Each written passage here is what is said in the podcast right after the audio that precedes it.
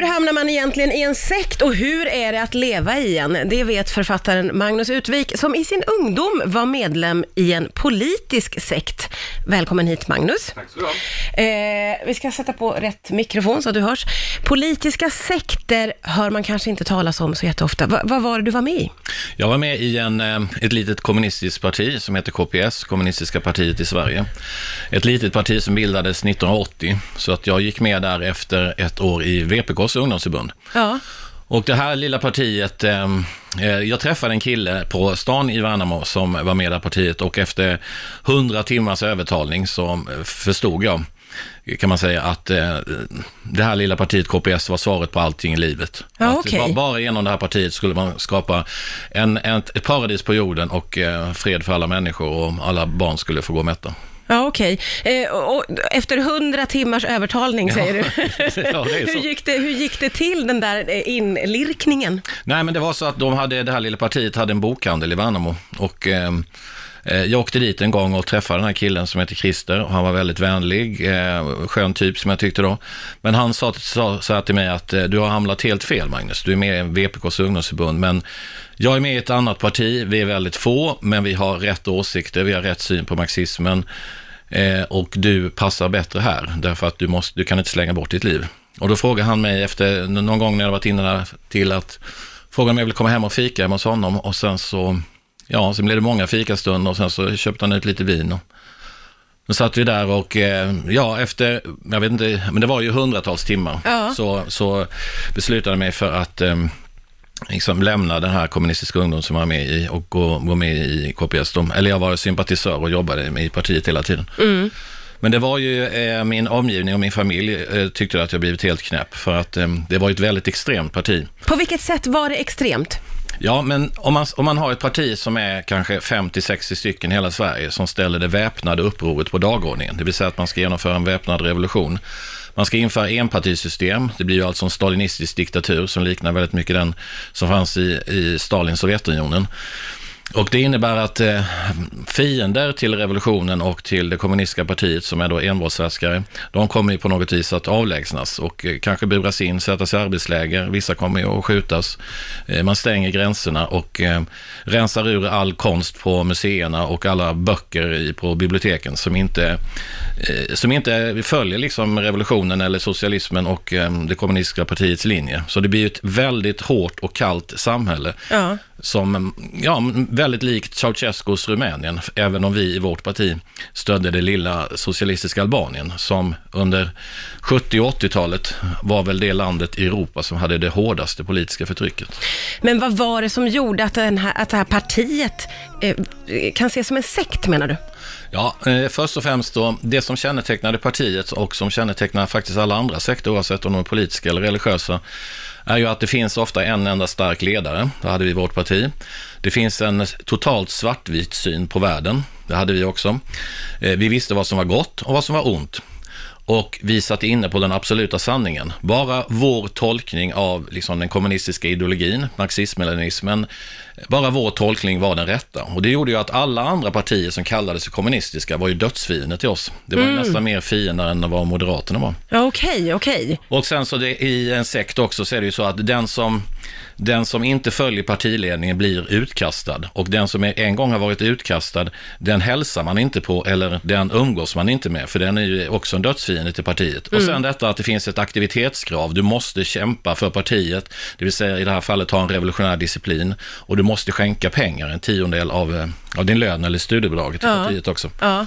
och försvara partiet liksom i, i allting och eh, var beredd på att eh, om det skulle vara så, begå ett, ett, ett brott, alltså bryta mot lagen i en eller annan form. Ja, okej. Det kan gälla en revolutionär situation, det kan, skulle kunna ha, i förlängningen handla om att ta livet av någon. Eller eh, bankrån för att finansiera verksamheten. Och Det allt det här liksom- accepterade du, hur snabbt då?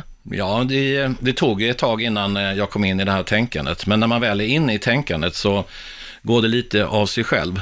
Men det som är viktigt är ju att man, man får arbeta sig in i tänkandet lite grann, men det behövs ju någon som den här killen Christer i Värnamo då, som verkligen värvade mig och som var en väldigt hygglig människa. Eh, det krävs ju någon för att man ska komma in i tänkandet och sen när man väl är inne där, då är det ju väldigt varmt och skönt. Därför att just då det. vet man ju, man har en, en, en, eh, Man har en, ett syfte med sitt liv som är större än allting annat. Det är Ja. liksom en känsla av att vara bärare av någonting heligt. Det är ju en väldigt religiös känsla att gå Ja, med i en sekt, Ja. en politisk sekt som Ja. faktiskt är ateistisk. Men det är ändå samma känsla. Ja, det du var en få, känsla av eh, frälsning var det och veta det att här sitter jag inne med sanningen tillsammans med 50-60 kamrater. Vi kommer att förändra världen, vi Ja, kommer att skapa paradiset på jorden. En otroligt väldig mäktig trygghet i det, tänker jag. Mm, Hur tog du dig ur? Jo, men det var så här att eh, jag hade jobbat väldigt, väldigt mycket i det här partiet då, som sympatisör. Och eh, jag läste allt internt material och sånt där. Och eh, slitit mycket, lagt ner många hundratusen eller tusentals timmar och eh, skänkt mycket pengar. Men sen så ansökte jag om kandidatmedlemskap. Först skulle man vara sympatisör, sen kan man kandidatmedlem och sen medlem. Men då visade det sig att partiet sa nej till det. För att jag hade någon gång på ett möte ifrågasatt om det alltid var fel med flerpartisystem. Och det var det då. Det Ja. att det finns bara en arbetarklass, då finns det bara ett parti och ett socialistiskt Sverige måste vara en, en enpartidiktatur. Och då hade jag det som kallas för trotskistiska tendenser, eller som eller, som, eller lite, eh, helt enkelt lite för inom eh, kommunistiska familjen, lite för liberal, just i den frågan. Och det gjorde att jag hade liksom lite mm, smutsiga tankar, liksom smutsiga tankar i den rena ideologin. Och den här smutsiga tankarna kunde då komma in i partikroppen och eh, eh, fördärva, liksom, och fördärva partikroppen inifrån. Så då var det- du inte välkommen? Det, det kunde de inte riskera. Nej, då var jag inte välkommen. Och då sa jag till en partikamrat där att det är ju hemskt så alltså att det här, det här liknar verkligen en sekt. Man får inte gå med i, i partiet som man är med i, Nej. utan eh, då åker man ur. Eh, och eh, då sa han, nej men vänta lite, partiet kommer nog att ta sitt förnuft i fånga, du får jobba ännu hårdare än vad du har gjort. Men då sa jag att jag orkar inte längre. Så då eh, hoppade du, då lämnade du helt enkelt? Ja, jag bara ringde och sa upp mig kan man säga. Men vi hade ju inga medlemslistor och sånt där. Allting var ju hemligt. Men, Ja. Men hur reagerade de när du lämnade? nej, jag vet inte. Ja, de blev väl lite sura, men, men partiet hade ju den åsikten att om det fanns liksom eh, människor med felaktig åsikt i partiets närhet så måste de, eller i partiet, så måste de ut. Ja. Det vill säga man, man renar partiet genom att slänga ut medlemmar som har lite avvikande åsikter. Och det gjorde ju att när partiet upphörde 1993 så fanns ju bara någonstans mellan 17, 18, 17 till 20 personer kvar. Då man hade hade de alltså rensat, rensat, så ja. Mm. jävla hårt i partiet så att det fanns ingenting kvar. Nej. Och därför upplöstes partiet. Men eh, när, eh, eller hur ska jag säga, hur eh, kunde du bearbeta det här? Ja, men det var ju det som var svårt att göra, för när jag hade lagt ner så många år på det här. När man är ung så är tre, fyra års hårt engagemang väldigt lång tid. Ja.